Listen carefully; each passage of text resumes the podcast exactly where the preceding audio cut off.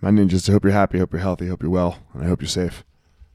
So, yesterday we talked about uh, bad choices or unskillful choices.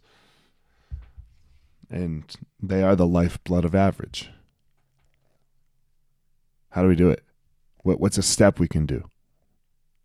How about we just eliminate the bad? How about we just make it not an option? I know for me, when, for example, I want to not eat like shit, I can't buy it.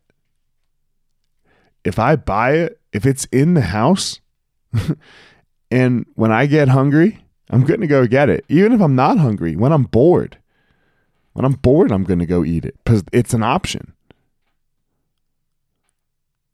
And, you know, why not? Why not? Because then, then I have a choice in front of me to make. And if I'm a little less disciplined that day or a little less motivated that day, just eliminate the bad.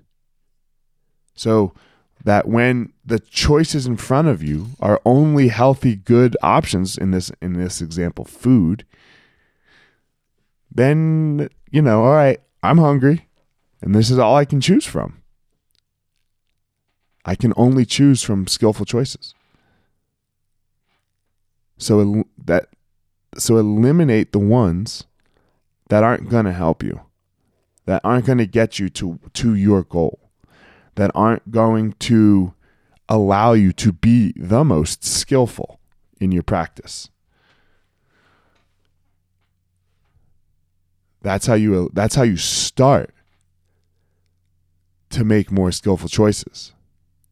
Is you make the unskillful not an option.